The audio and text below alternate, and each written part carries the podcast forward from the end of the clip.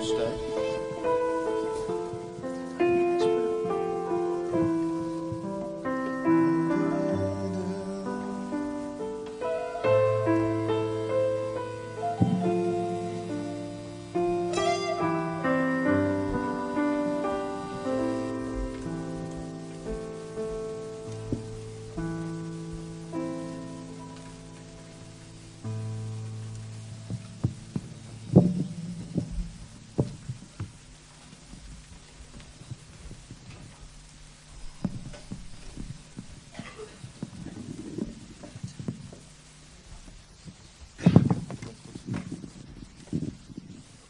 Goedemorgen allemaal. Ik ga iets naar voren staan, denk ik. We staan een beetje hard hier. Ik kan lekker tussen jullie in staan. Voordat ik begin wil ik zeggen dat wij niet meer onder, Gods, onder afwijzing leven van God. Maar dat is, dat is, door de zonde zijn we natuurlijk bij God verwijderd geworden. Maar Jezus heeft de kloof overbrugd. En we zijn niet meer onder afwijzing. Jongens, ik zing heel erg rond. Kan je de achtergrond een beetje.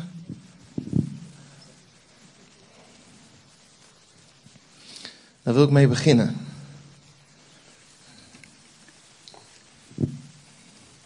Ik wil vanochtend met jullie nadenken over het onderwerp uh, dat we mogen regeren in afhankelijkheid van God. En dat is iets wat mijzelf heel erg bezighoudt. Want als je wil regeren, dan krijg je vaak het idee dat je van alles moet doen. En de eerste reactie denk je, oh help, dat lukt me helemaal niet. En het loopt me helemaal uit de hand. En uh, een reactie die in mijn leven dan vaak gebeurt, is dat ik probeer controle te houden over dingen. En ik dat probeer dingen naar mijn hand te zetten. En voor je het weet, loop je met pijn in je buik rond. Of je, je betrapt jezelf op dat je dingen een beetje aan het manipuleren bent om maar te zorgen dat je een beetje regeert uit eigen kracht. En uh, dan, dan merk ik eigenlijk dat ik het niet zo goed begrepen heb. Want het draait niet zozeer om mij. Maar het draait om dat God regeert. En dat ik als afspiegeling van Hem mee mag doen. Dat is zo ontspannen. Alleen ik pak dat vaak nog niet. Herkenbaar? Meer mensen daar last van? Oh man, ik heb er zo last van af en toe. Dan druk je dat zo op de schouders. En dan helemaal als, uh, dat realiseer ik me heel goed, als je dan als, spre als je staat te spreken en je zegt, nou jongens, we moeten dit doen, we dat doen. Lekker actief voor God. Allemaal geweldig, hè? Maar dan kun je soms ook denken, dat lukt mij helemaal niet. En dat klopt, dat lukt je ook niet. Want het is Gods werk en niet jouw werk. En daar wil ik vanochtend met jullie over nadenken. Hopend dat ik het zelf ook echt ga pakken. En echt gaat toepassen. Want het is zo ontspannen om uh, gewoon op Jezus te gaan lijken en je aan Hem te geven. En te merken dat Hij door je heen gaat werken. Want dan gaan er pas echt dingen gebeuren. Want als je de dingen in je eigen controle doet, dan zal het ongeveer ook ophouden bij wat jij ongeveer kan. Maar God wil veel meer door ons heen doen dan dat. Dingen waar wij met open mond staan van, oké heer, doet u dat? Dat wil God door ons heen doen. Dat zien we door de hele Bijbel heen. Voordat ik, ik wil daar um, over nadenken aan, uh, aan de hand van een stuk uit Davids leven. Maar voordat ik dat doe, wil ik eerst een paar basisprincipes met u neerzetten. Principes die we soms heel moeilijk kunnen geloven, maar die echt nodig zijn om te verankeren in ons leven. En als eerste, deze hoeft u allemaal niet op te zoeken, want daar ga ik veel te snel voor. Straks gaan we lekker lezen. Maar ik, ik zet hier eerst, eerst even een paar principes neer. Genesis 1. En God zei, laten wij mensen maken naar ons beeld, naar ons gelijkenis. En laten zij heersen over de vissen van de zee, over de vogels in de lucht, over het vee, over heel de aarde en over alle kruipende dieren die over de aarde kruipen. En God schiep de mens naar zijn beeld. Naar, naar het beeld van God schiep hij hen, mannelijk en vrouwelijk schiep hij hen. En God zegende hen en God zei tegen hen, wees vruchtbaar. Word talrijk, vervul de aarde en onderwerp haar. En heers over de vissen van de zee, over de vogels in de lucht en over al de dieren die op aarde kruipen.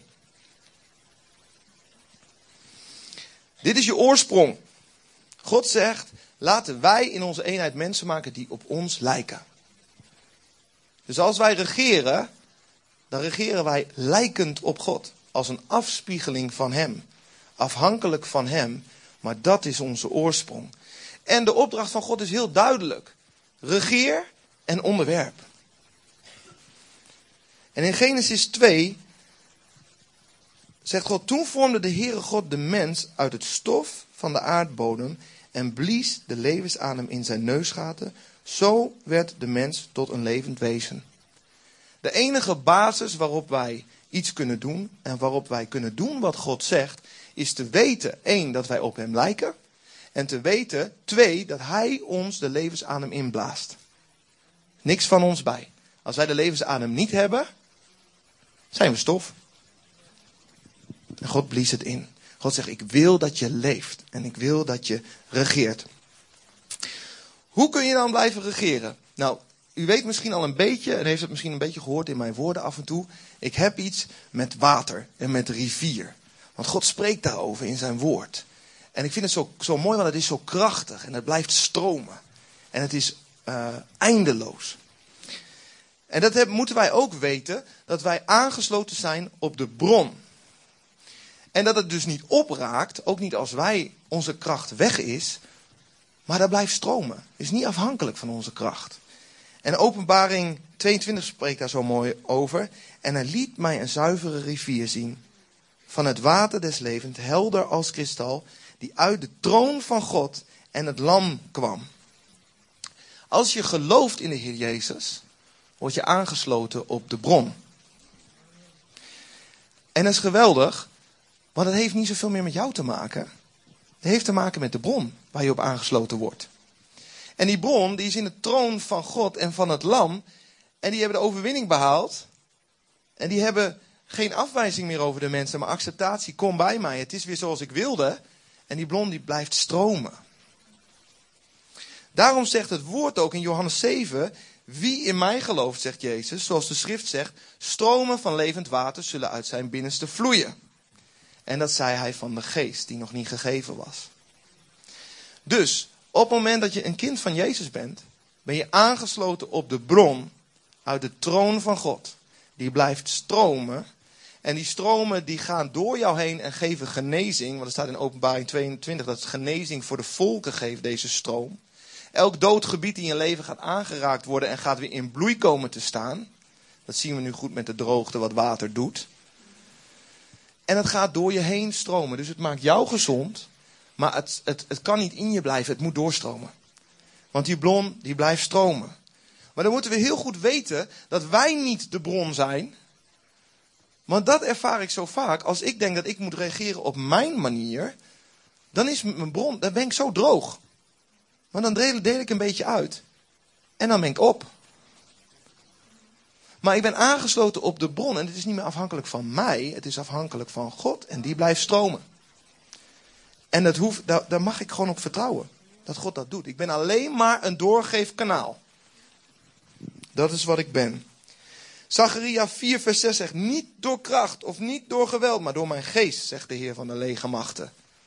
De Heer staat aan je zijde en de legermachten. En hij wil dat het door zijn geest gebeurt. En niet door wat jij kan. Nou, wat gaat er dan gebeuren in je leven? Dan gaat God het grootste gebod uitwerken: de liefde. En dat ga je zien in de mensenlevens. En er staat in Matthäus 12 een stukje over. Dat Jezus belandt daar in een discussie met de Fariseeërs. Die, uh, even kijken hoor, waar begin ik? En dus zij vragen, wat is het eerste van alle geboden? En Jezus antwoordde hen, het eerste van alle geboden is, hoor Israël, de Heer onze God, de Heer is één. En u zult de Heere, uw God, lief hebben met heel uw hart, met heel uw ziel, met heel uw verstand en met heel uw kracht. Dit is het eerste gebod. Waar ik in het begin even vertelde dat ik geneigd ben om mijn kracht te gebruiken om te gaan regeren. Om mijn kracht geneigd ben te gaan, gebruiken, te gaan gebruiken om dingen naar mijn hand te zetten. Dan zegt het schrift, gebruik je kracht om God lief te hebben. Want dat geeft je namelijk de focus op de bron. Want die kracht komt daar vandaan. Dus altijd als je merkt, ik ben bezig uit eigen kracht en ik loop stuk, ga de Heer lief hebben. Want daar is je kracht. En doe dat met al je kracht. En het tweede hieraan gelijk is dit: U zult uw naaste lief hebben als uzelf. Er is geen ander gebod groter dan deze. En de schriftgeleerden zeiden tegen hem: Juist, meester, u hebt naar waarheid gezegd dat God één is en het geen ander dan hij. En hem lief te hebben met heel het hart, met heel het verstand, heel de ziel en met heel de kracht. En daarnaast te lief hebben als zichzelf, is meer dan alle brandoffers en slachtoffers. En die brandoffers en die slachtoffers, die gaf God als middel om bij hem te komen. De mens kon dat doen als actie. actie van de mens. Ja, ik ga uh, bij elkaar brengen, ik ga offeren. Ik ben druk, ik zoek het bij elkaar en ik, ik breng de offers. Maar God zegt hem lief te hebben is meer dan wat jij kan doen uit de kracht van jezelf. Hem lief te hebben is meer dan wat je ook doet voor hem uit eigen kracht. Dus zie je, hè, ik heb dat in mijn leven gezien. Oh jongens, ik heb brandoffers gebracht, man. Druk, jongen. Heel God vergeten. Maar branden die offers, joh. Maar Jezus zegt, hem lief te hebben is meer dan al deze dingen. En in een ander gedeelte staat dat de hele wet en de profeten hierin vervuld zijn. Hem lief te hebben. Het plaatst, zie je dat het de focus helemaal op God plaatst. Jouw liefde voor hem. En je bent aangesloten op hem en hij gaat door je heen stromen. Dit is zo belangrijk om dit te begrijpen. Want elke keer knap je erop af als je het anders doet. En elke keer denk je, hoe kan dat nou? Al die opdrachten uit de Bijbel, dat kan ik helemaal niet. Nee, dat klopt. Maar dit is het principe. Goed, dat was de inleiding. Nu gaan we lezen. 1 Samuel 16 mag u opslaan. En wat ik met u wil doen, ik wil een aantal dingen uit het leven van David bekijken. Waarin hij um, in onmogelijke situaties geplaatst wordt. Maar waarin hij deze principes gaat hanteren. En voordat ik ga lezen, um, is het even goed om het beeld van David even recht te zetten in uw hoofd. Misschien denkt iedereen uh, nu aan David, uh, de geweldige profeet, de grote koning, de man naar Gods hart, al die dingen meer. Hè? En uh, dan denk je vaak als er een, een, vergelijking over David wordt gemaakt, denk je ja, maar dat is David. Weet je wel? Wat heeft dat met mij te maken? David was uh, broer, groot en dit en dat. Maar David was gewoon. Een mens zoals u en ik. Een mens in zijn zwakheid. En dat zullen we ook gaan zien in dit stuk. Dus goed even dat beeld recht te zetten, zodat je jezelf kunt identificeren met wat met David gebeurt. Want anders plaats je het ver van je en denk je, ja, hij is een gezalfde koning, dat heeft niks met mij te maken. Maar dat is niet waar. We beginnen bij vers 1. Toen zei de Heer tegen Samuel, hoe lang rouwt u om Saul, die ik immers verworpen heb, zodat hij geen koning over Israël meer zal zijn? Vul uw hoorn met olie en ga op weg. Ik zend u naar Isaï, de Bethlehemiet, want ik heb een koning voor mij gezien onder zijn zonen. 1 Samuel 16. Maar Samuel zei, hoe kan ik daarheen gaan? Saul zal het horen en mij doden. Toen zei de Heer, neem een kalf en de runderen met u mee. En zeg, ik ben gekomen om de Heer een offer te brengen. Even tussendoor. Uh, zie je dat uh, Samuel, de gezalfde profeet, bang is voor Saul. Terwijl God heeft gezegd, ik neem mijn geest van hem, hij is geen koning meer. Zie je dat Samuel ook gewoon een mens is?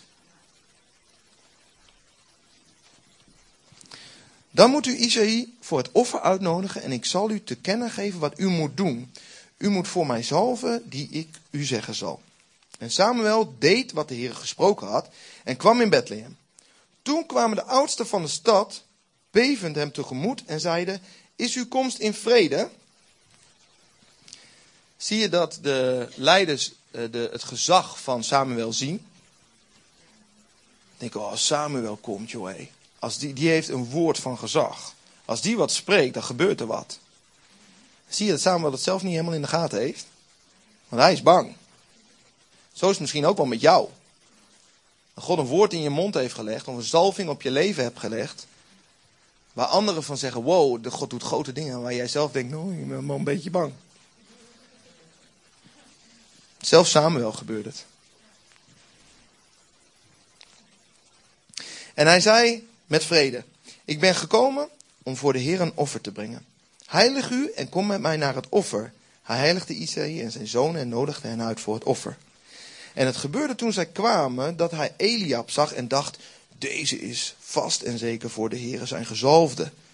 Maar de Heer zei tegen Samuel, kijk niet naar zijn uiterlijk en ook niet naar de hoogte van zijn gestalte, want ik heb hem verworpen. Het is namelijk niet wat de mens ziet, want de mens ziet aan wat voor ogen is. Maar de Heere ziet het hart aan. Dat is zo gaaf om te zien. Hè? God kijkt zo op andere gronden. Hè? En daarmee kun je, kun je zien van, hey, deze grote sterke man, deze is het niet. Maar bedenk eens hoe je zelf kijkt naar andere mensen. Je kijkt misschien van, uh, nou, die, die, die heeft voor elkaar, joh. Die staat te spreken voor gemeente. Po. Maar God kijkt heel anders. God ziet de voorbidder die in het verborgene zijn hart uitstort. God kijkt echt anders dan wij. En zo vaak laten wij ons intimideren of verblinden of trekken conclusies door wat voor ogen is. Maar God zegt, ik zie het hart aan. Toen riep Isaïe Abinadab en hij deed hem voorbij Samuel gaan. Maar de Heer zei, de Heer heeft ook deze niet uitgekozen. Daarna liet Isaïe Samma voorbij gaan. Maar hij zei, de Heer heeft ook deze niet uitgekozen. Zo liet Isaïe zijn zeven zonen voorbij Samuel gaan. Maar Samuel zei tegen Isaïe, de Heer heeft deze niet uitgekozen. Dat is ook mooi voor Samuel, hè? Ga naar zijn zonen en ze gaan allemaal voorbij. Bij de eerste krijgt hij al een reprimande en dan gaan ze allemaal voorbij en ja heren, we're running out of sons. Kun je je voorstellen hoe je daar dan staat, als de man van God? Best wel lastig. Toen zei Samuel tegen Isaïe, zijn dit al de jongens? En hij zei, de jongste is achtergebleven. Zie, hij wijdt de schapen. Samuel zei tegen Isi, stuur een bode en laat hem halen, want we zullen niet rond de tafel gaan zitten totdat hij hier gekomen is. Welkom, fijn dat je er bent. dankjewel. Ja, jij ook, maatje. Ga lekker zitten, neem een plekje. Ik praat soms wel met consumptie hoor. Ja? Oké, dit is een heel mooi verhaal hè, maar heb je enig idee wat dit met David doet? Probeer je de situatie eens in te beelden. Er komt de machtige man van God, komt hè.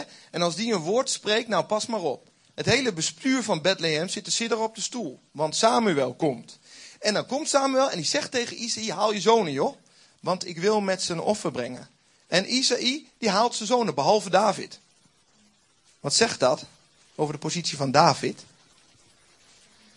Maar geloof me, je luistert echt wel hoor naar Samuel. Maar er moet toch wel een reden zijn waarom David niet gehaald werd. Op zijn minst denk ik dat hij zich vergeten voelde.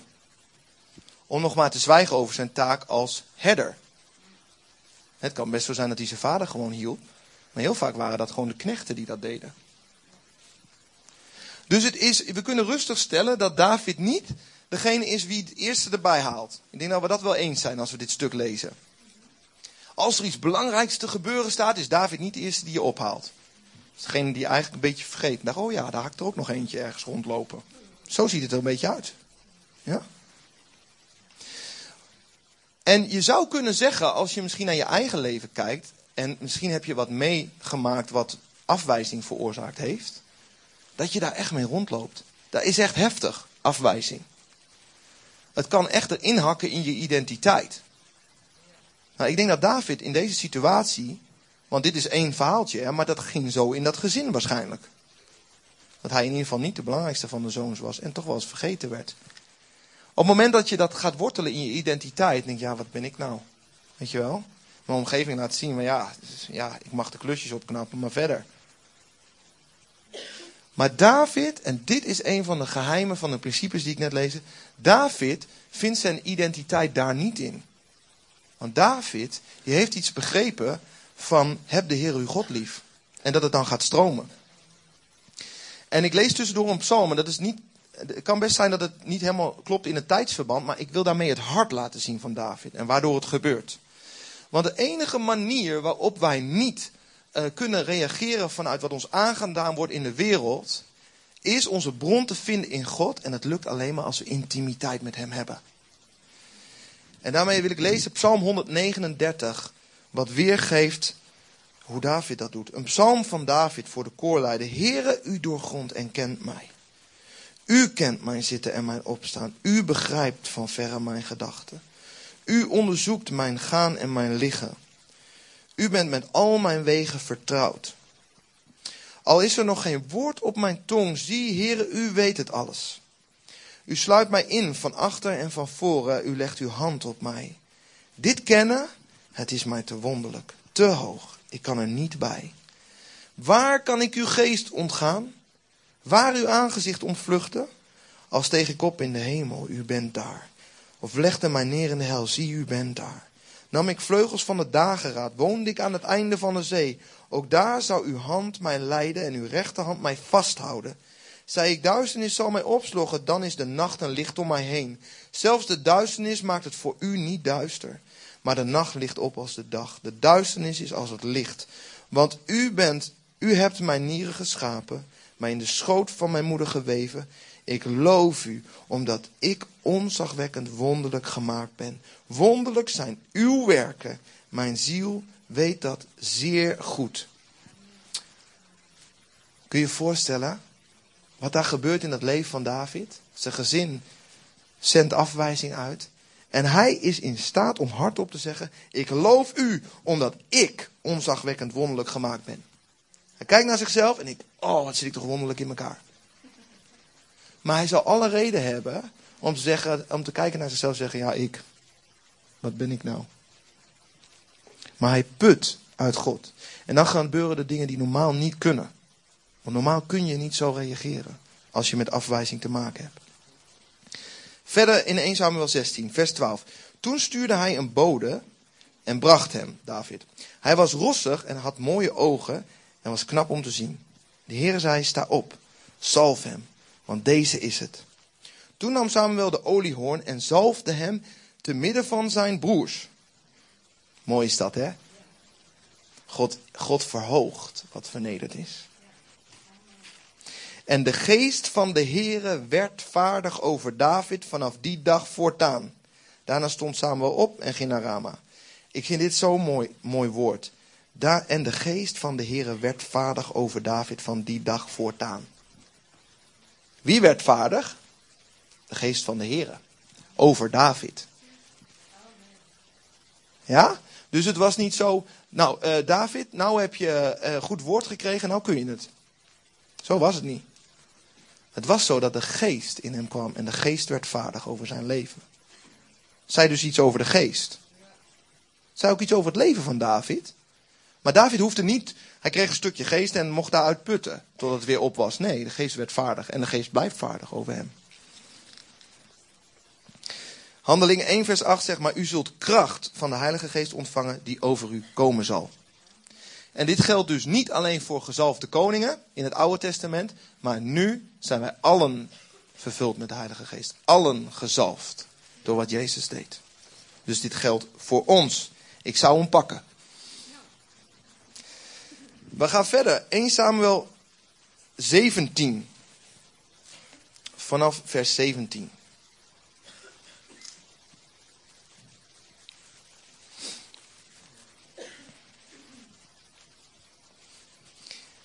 En Isaï zei tegen zijn zoon David: Neem toch voor je broers een eva van dit geroosterd koren en tien broden en breng ze snel bij je broers in het leger. David was ondertussen, hij was, hij was gezalfd als koning. Ondertussen mocht hij bij Saul wat muziek maken. En hij diende. Hij diende Saul en hij diende hier ook zijn vader. En hij bleef gewoon herder bij de kudde. Gebeurde niks anders eigenlijk, alleen de geest van God was in hem. En dat was merkbaar. En breng tien melkazen naar de bevelhebber over duizend. En bezoek je broers om te zien of het goed met hen gaat.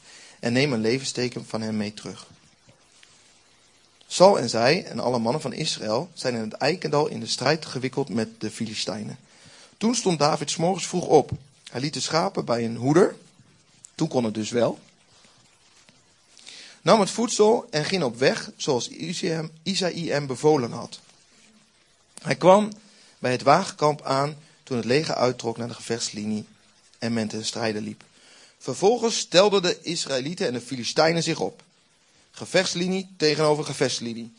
David liet zijn bagage onder de hoede van een bewaker van de bagage en snelde naar de gevechtslinie. Daar aangekomen vroeg hij zijn broers naar hun welstand. Terwijl hij met hen sprak, zie, de kampvechter kwam eraan. Zijn naam was Goliath, een Filistijn uit Gad, uit de gelederen van de Filistijnen. Hij sprak dezelfde woorden en David hoorde ze. Hij had al eerder die woorden gesproken. Maar toen de mannen van Israël de man zagen, vluchtten ze alle weg en waren zeer bevreesd. De mannen van Israël zeiden: Hebt u die man gezien die gekomen is? Want hij is gekomen om Israël te honen. De koning zal de man die hem verslaat grote rijkdom schenken. Hij zal hem zijn dochter tot vrouw geven en zijn huis, het huis van zijn vader vrijstellen van lasten in Israël. Toen zei David tegen de mannen die bij hem stonden: Wat zal men de man doen die deze Filistijn verslaat en de smaad van Israël afwendt? Want wie is deze onbesneden Filistijn wel, dat hij de gelederen van de levende God durft te honen? Ik, vind het zo mooi hè, hoe David reageert. Hè? Moet je even proberen dat plaatje voor te stellen. Je hebt een dal aan de ene kant, dal aan de andere kant. Ik weet niet meer hoeveel soldaten ze, zouden, ze waren, maar het was geen honderd man. Ik denk dat het wel hele slagorde was. Allemaal een beetje kletterend van die schilden en zo. Nou, dan gaan ze staan. En leger tegenover leger, imposant, met machtsvertoon. En dan komt die reus eraan lopen en die begint de boel te honen. En dan, zie je, hoor je die schilder steeds harder trillen aan de Israëlische kant. En die soldaten die rennen allemaal weg. En dan zegt David, wie is die uh, Filistijn? Die onbesneden man. Die mijn God aan het honen is. Wat zegt dit over David? Als je het hebt over het principe wat ik las. Heb de Heer uw God lief met al uw kracht. Weet je, David had zijn God echt veel meer lief dan zijn omstandigheden. Want het is best wel sociaal gewenst om even mee te rennen als het hele leger bang is. En om te zeggen, ja jongens, snap ik. Die man is ook groot. Dat snap ik wel. Maar wat David doet is echt niet sociaal gewenst. Zeg maar. Al die stoere gasten, weet je wel, in het leger. Moet je voor de grap doen, zoiets. Zullen ze je wel even leren hoe dat gaat. Ik weet niet wie er in dienst geweest is, maar zo'n grapje hoef je niet uit te halen, denk ik. Maar David heeft zijn God lief. En David is zich bewust wie zijn God is. En als je tegen mijn God spreekt, nou dan jongens, dan, dan berg je maar. Want mijn God is machtig. Zie je dat de soldaten tegen hem zeggen: heb, heb, heb, je die man gezien? Alsof hij hem zelf nog niet zag, want iedereen zag hem. Maar ze drukken het nog even in, hè? Heb je die man gezien? Filistijn? Oh joh, hij komt om te honen weer. David laat zich niet intimideren, want hij houdt van God. En hij weet dat God meer is dan dit. En natuurlijk was dit David niet uit eigen kracht, hè? Door de geest van God was over hem. En de geest van God begint te reageren in situaties. De geest van God zegt: Ik ben uit God gezonden en ik regeer door jou heen. Dus jij gaat niet rennen, maar jij mag tegenspreken. Het volk gaf hem hetzelfde antwoord. Zo zal men de man doen die hem verslaat. Toen Eliab, zijn oudste broer, hem tot de mannen hoorde spreken, ontstak Eliab in woede tegen David en zei: Waarom ben je eigenlijk gekomen? En onder wiens hoede heb je die paar schapen in de woestijn gelaten? Ik ken je overmoed en je slechtheid van je hart wel, want je bent gewoon gekomen om het vechten te zien. Dit is de hele belangrijke les voor ons allemaal. Als wij vol zijn van de Heilige Geest, kan het gebeuren dat de Heilige Geest door ons heen spreekt op een bepaalde manier. Op een bepaalde manier waar iedereen het niet ziet. En iedereen onder de angst is. En de Heilige Geest zegt, ik wil dat je opstaat hiertegen. En je bent gehoorzaam. Waarschijnlijk met knikkende knieën. Als ik gehoorzaam ben, doe ik dat met knikkende knieën meestal. En je spreekt op. En je zegt, wie is deze Filistijn? Die mijn God durft te tarten. En zie je wat er gebeurt? Je krijgt een tegenaanval. Je krijgt een tegenaanval uit het Rijk der Duisternis. Rechtstreeks. Want wat gebeurt er? Zijn broer notabene, uit dat gezin waar hij niet de populairste was, waar hij te maken had met afwijzing, zijn broer, zijn broer die drukt even op de afwijzingknop. Die zegt, uh, luister, we hadden jou toch gesteld over die paar schapen daar zo? Zie je wat er gebeurt? Hij wordt gewoon op zijn afwijzingknop gedrukt. En ten tweede, dus dat is één. Nou, in principe heb je heel vaak de valkuil om dan te gaan reageren uit je afwijzing. Dat je, wat? Want je voelt iets. En ten tweede, hij heeft de Heer, zijn God, lief met heel zijn hart. Dat is wel duidelijk. Want hij weet wie zijn God is. En wat zegt zijn broer? Wat zegt de tegenstander? Ik ken je hart wel. Het is slecht. Je hebt een slecht hart. Je bent alleen maar gekomen om het vechten te zien. Dat is niet waar. Hij kwam alleen maar dienen. Had zijn spullen meegenomen en vroeg aan zijn broers, hoe is het met je? Dus je wordt, je wordt precies op jouw verwonde punt wordt je geraakt. Want zo probeert de tegenstander je uit balans te brengen. Je staat op in de kracht van de geest. En tegenstander laat je zien, ja, maar daar ben jij zwak. En dan is de keuze, reageer ik, daar, reageer ik daaruit? Of reageer ik daar niet uit? Toen zei David, wat heb ik gedaan? Is er geen reden voor om zo te spreken? Hij wendde zich af en wendde zich van hem af. Mooi hè? Hij wendt zich van hem af. Naar een ander en sprak dezelfde woorden. En het volk gaf hem weer antwoord zoals de eerste keer. Toen de woorden die David gesproken had gehoord werden en in de tegenwoordigheid van Saul werden verteld, liet deze hem halen. David zei tegen Saul: Laat geen mens. Dit is ook zo mooi, dit is Heilige Geest die spreekt. David zegt tegen Saul: Laat geen mens vanwege hem de moed laten zinken. Uw dienaar zal gaan en met deze Filistijn vechten. Er staat op een gegeven moment over Jozef geschreven, hè, dat hij vaderde over de farao. Hè? Zie je het principe terug? David vadert over Saul. Die zegt, joh, koning, niet uit hoogmoed, hè?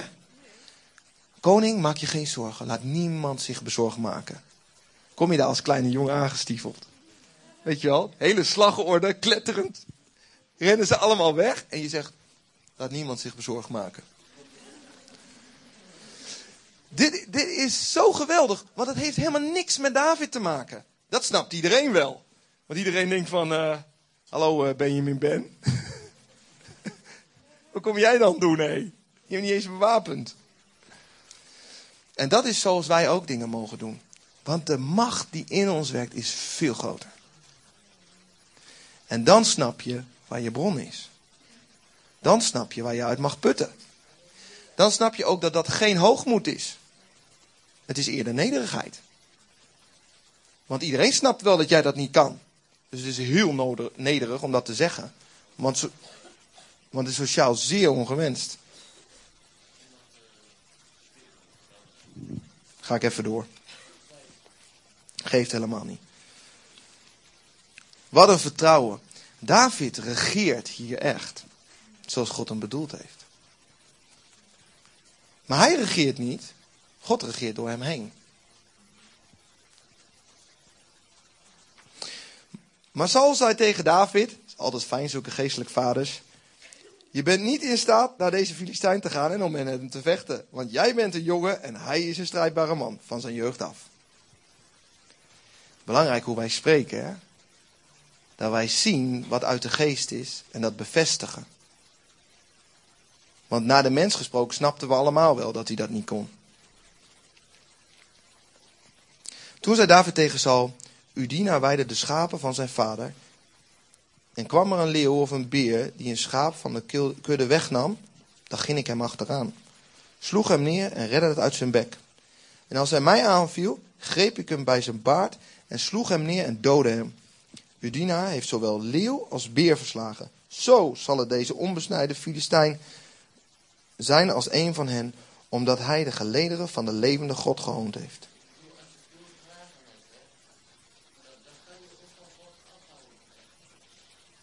Maar God heeft de antwoorden, hè? Ja, gewoon blijven vragen. Ja, maar je hebt nog wel even.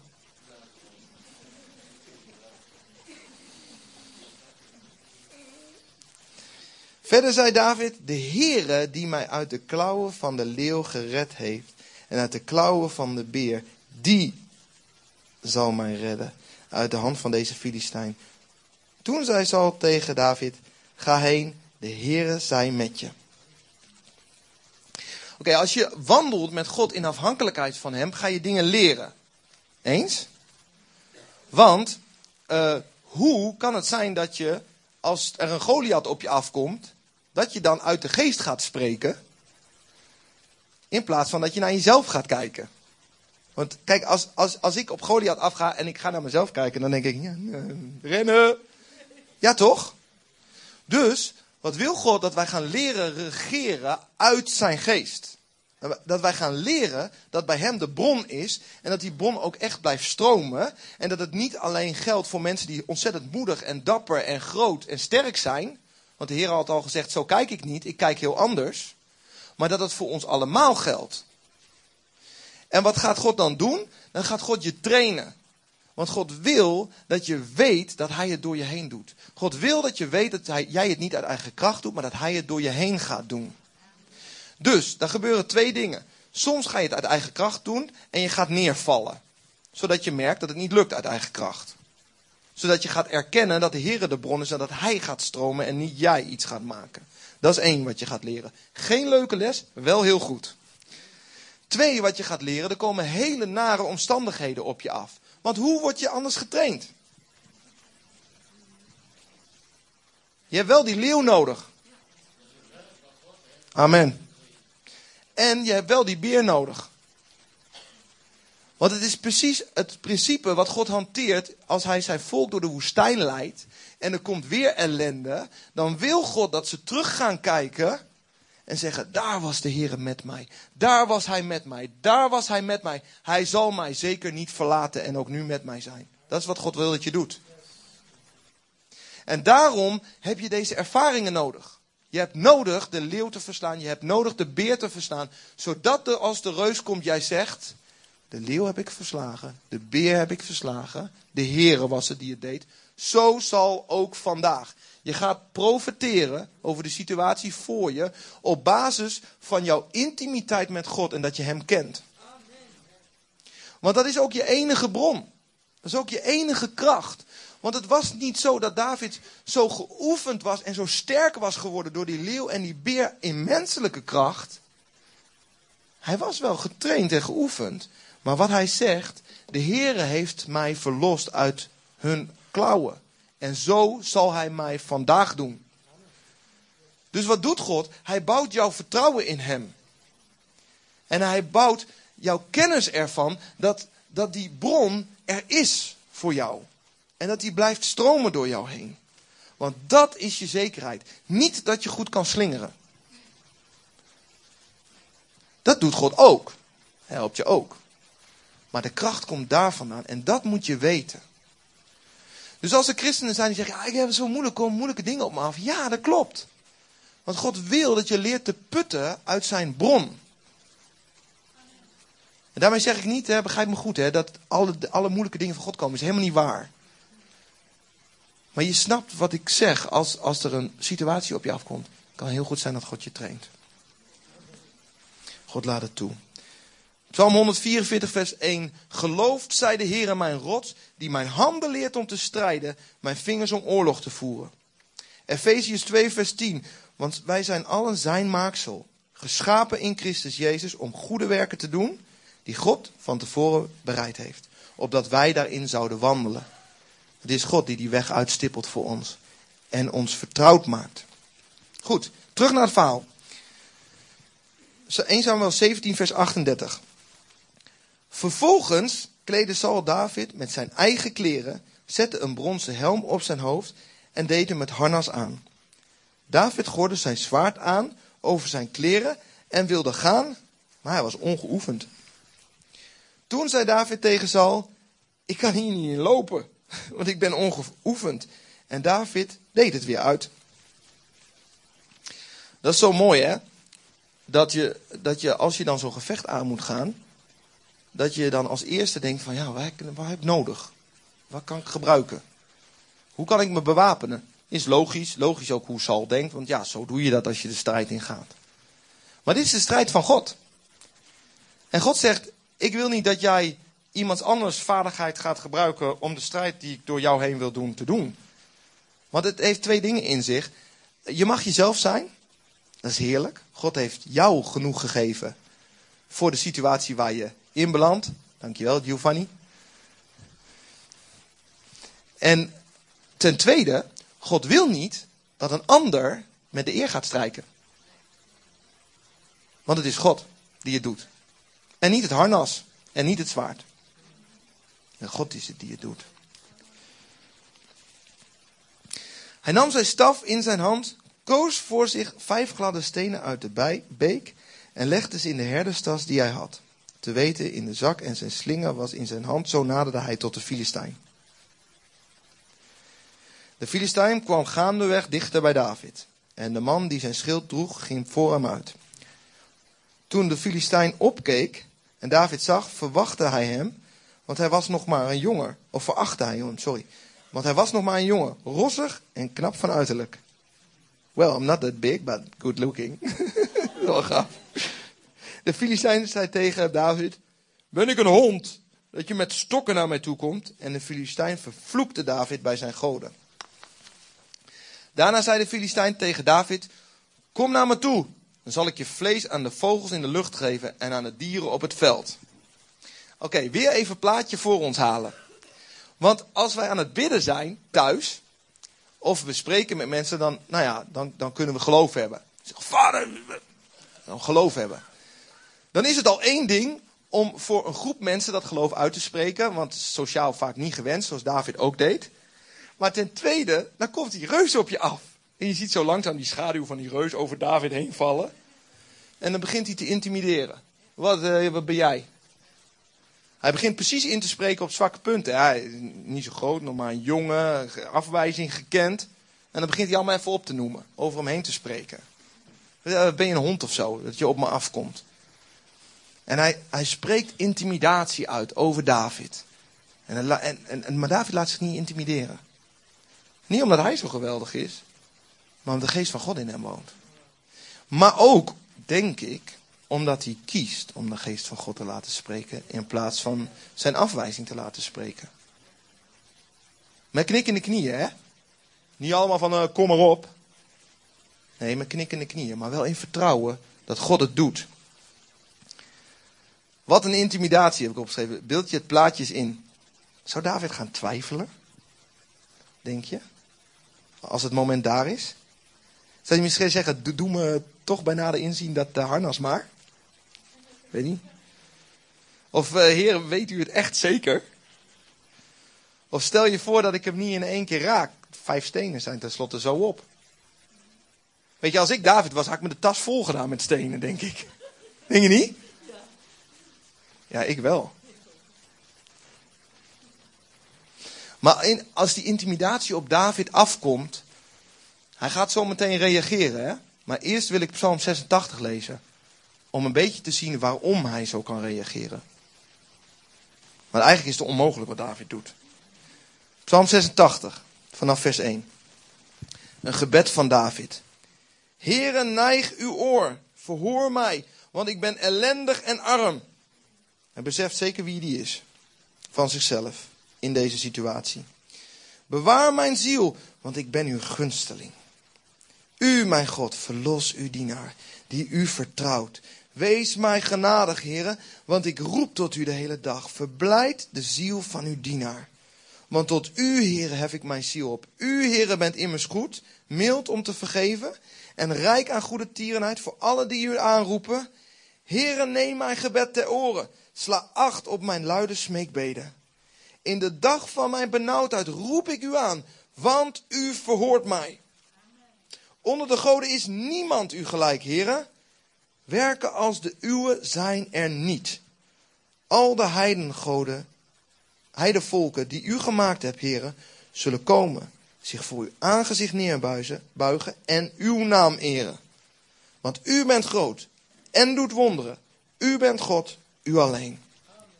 Leer mij, Heer, uw weg. Ik zal in uw waarheid wandelen. Want mijn hart, maak mijn hart één om uw naam te vrezen. Heere mijn God, ik zal u loven met heel mijn hart. Ik zal uw naam voor eeuwig eren, want uw goede tierenheid is groot over mij. U hebt mijn ziel aan het diepst van het graf ontrukt, o God. Hoogmoedigen staan tegen mij op. Een horde geweldplegers staan mij naar het leven. Ze houden u, u niet voor ogen. Maar u, heren, bent een barmhartig en genadig God. Geduldig en rijk aan goede tierenheid en trouw. Tot zover. Je ziet het geheim van Davids leven. Hè? Je, je leest heel duidelijk dat hij die twijfels echt wel had. En hij begint ze uit te spreken. Hij begint ze te delen met zijn God. Dat is het geheim van de intimiteit en de focus op God. Heren, mijn liefde is uit u. Heren, maar u bent het toch die beschermt. U bent het toch die bevrijdt. Ik roem in u, want er is geen God buiten u. Heren, verlos mij toch. Heren, u verhoort mij. Ken je deze gebeden? Thuis? Gebeurt het wel eens dat je denkt, hoe als de buren dit maar niet hoorden? Maar het zegt iets over het hart wat uitgesproken wordt. Want het hart hebben we toch allemaal. We hebben dat toch allemaal dat we denken, oh Heer, ik. Ik ben zo onzeker en ik dit en ik dat en ik dit. Ja, maar het gaat niet om jou. De Heer is aan je zijde. Hij gaat het doen. En wat moet je dan doen? Naar de bron toe gaan. Heer, ik ben bang. Ze staan allemaal in de rij om me te vermoorden. Heer, maar u, u, u. Meer van u. Want voor mij is het wel duidelijk. Als het aan mij afhangt, komt het niet goed.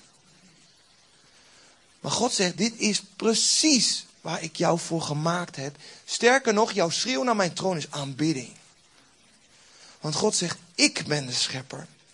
En ik heb jou gemaakt en je lijkt op mij. Maar ik blies jou de levensadem in.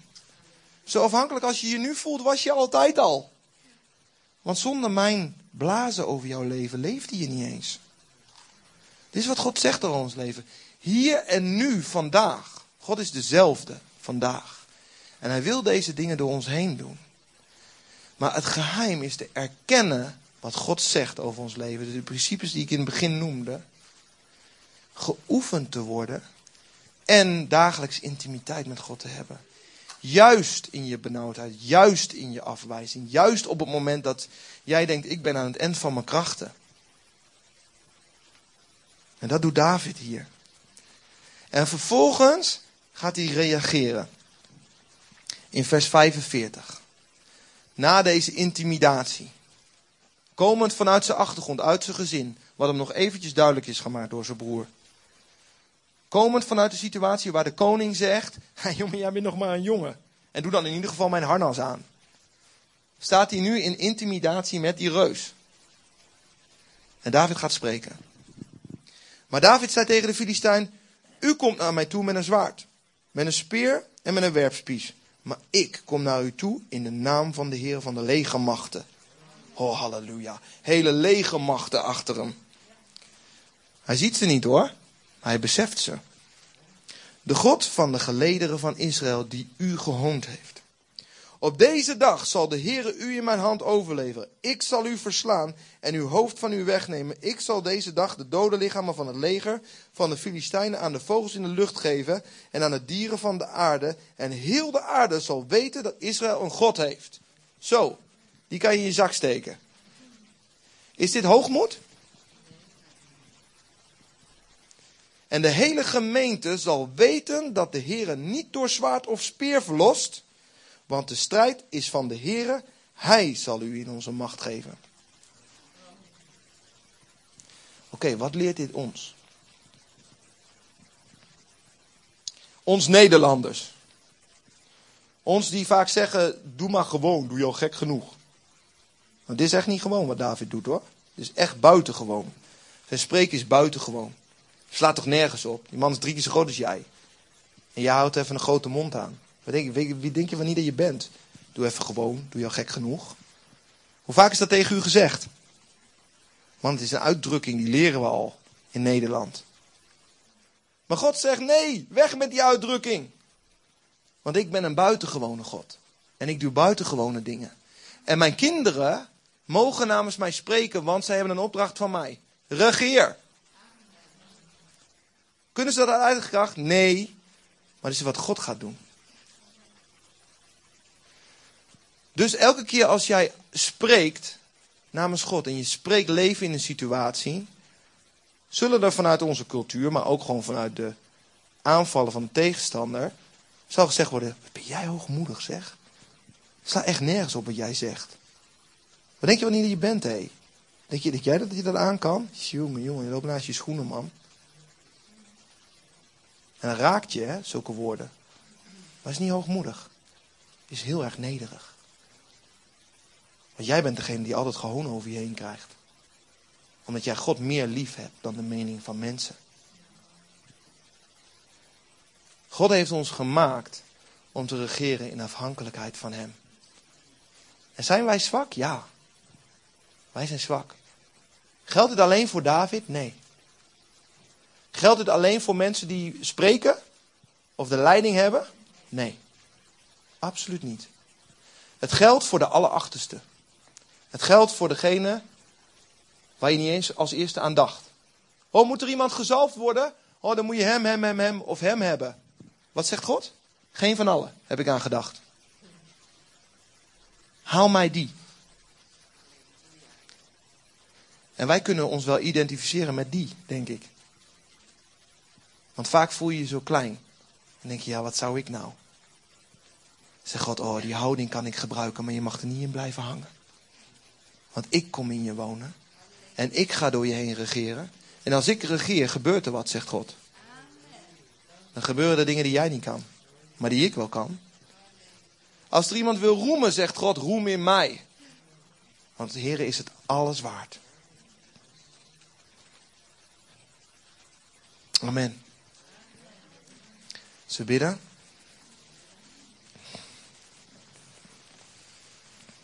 Vader God, dank u voor wie u bent. O Heer, u bent zo goed, Heer. En u bent zo vol van kracht, Heer. En u bent zo de bron die blijft stromen, Heer. En dank u wel, Jezus, dat u, Heer, ervoor heeft gezorgd dat wij niet meer onder afwijzing leven.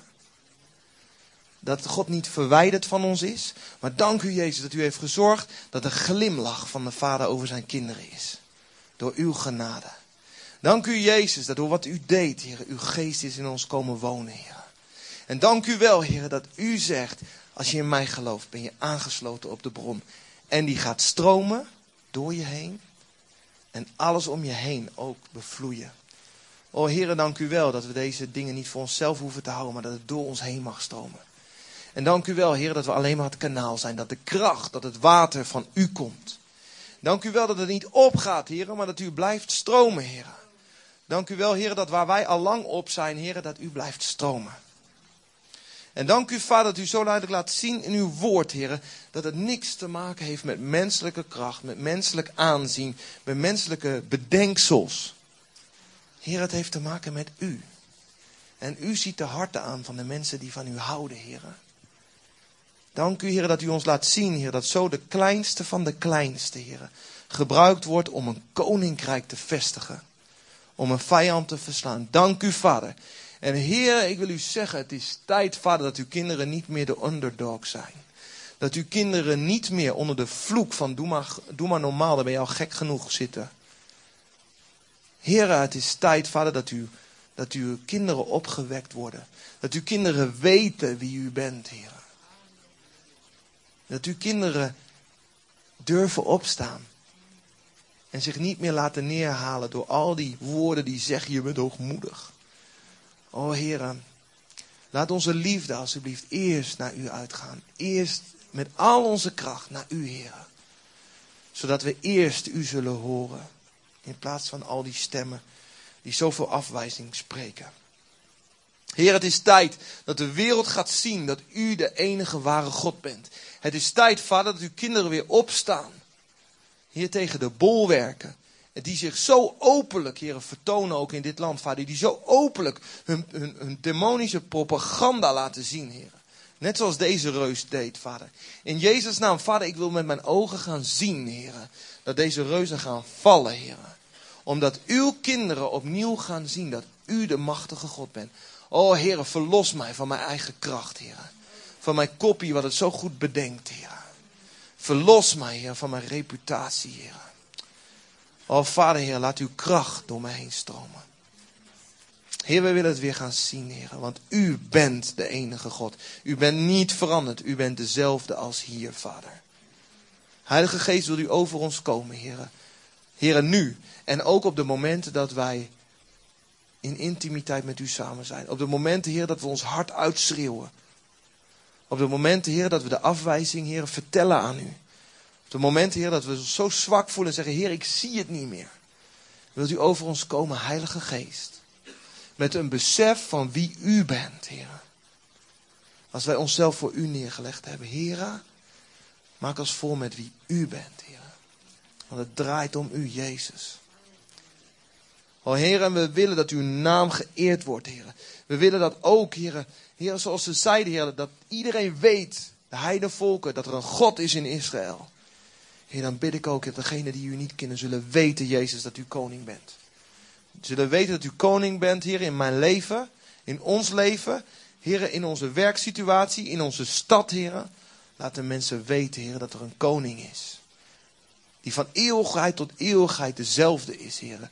Heer, op grond van uw woord ontstond alles. En nu nog steeds, Heer. Als uw woord spreekt, Heer, dan schept u. En dat bid ik ook voor vandaag, voor dit woord, Vader. Elk woord van mij laat het ter aarde vallen, Vader. Maar elk woord van u, Heer, laat het scheppen. In onze geest, Heer, die weet wie u bent. In Jezus' naam. Amen.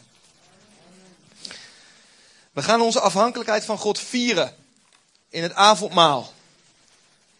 Wat beter te doen na zo'n woord dan avondmaal te vieren en te erkennen, Jezus, u bent het. U bent het die de afwijzing heeft weggehaald. U bent het waardoor de gunst van de levende God weer op ons is. Komen de kinderen erbij? Oké, niet? Oké, niet. Geef niet. Oké, ehm, willen de mensen die, het avondmaal, die bij de avondmaalpunten staan, daar gaan staan? Dan mag ik vragen of de band naar voren kan komen.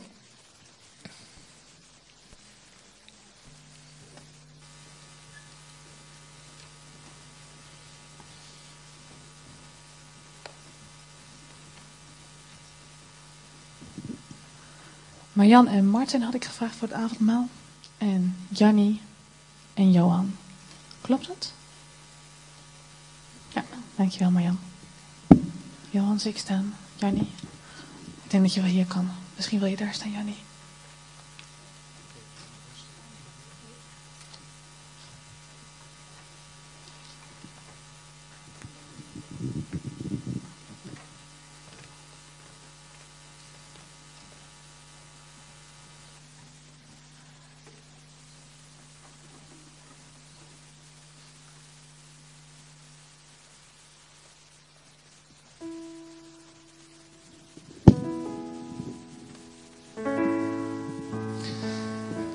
Laten we met elkaar vieren dat we afhankelijk zijn van God.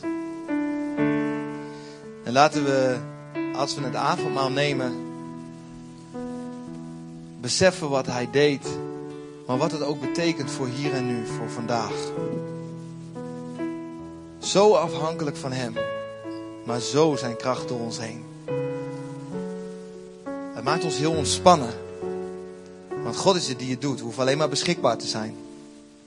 Is het altijd makkelijk? Nee. Want er komen wel leren, leeuwen en beren. Want God gaat je wel trainen. Maar het hangt niet van jou af.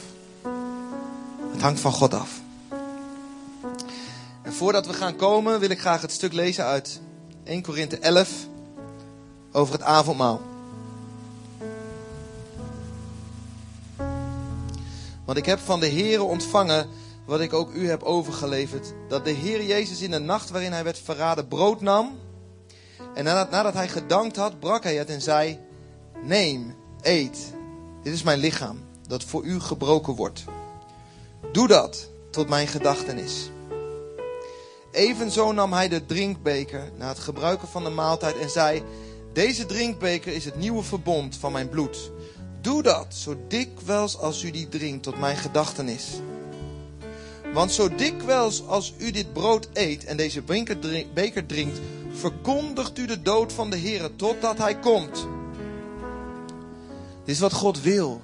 Niet alleen in de gemeente als wij het, het instituut, het avondmaal doen, Maar ook als wij met elkaar eten, als broeders en zusters. En we scheppen op. En we schenken een wijntje in. De Heer zegt, denk aan mij. Denk eraan dat je het niet uit eigen kracht doet, maar denk eraan dat ik het deed. Denk aan dat je afhankelijk van mij bent.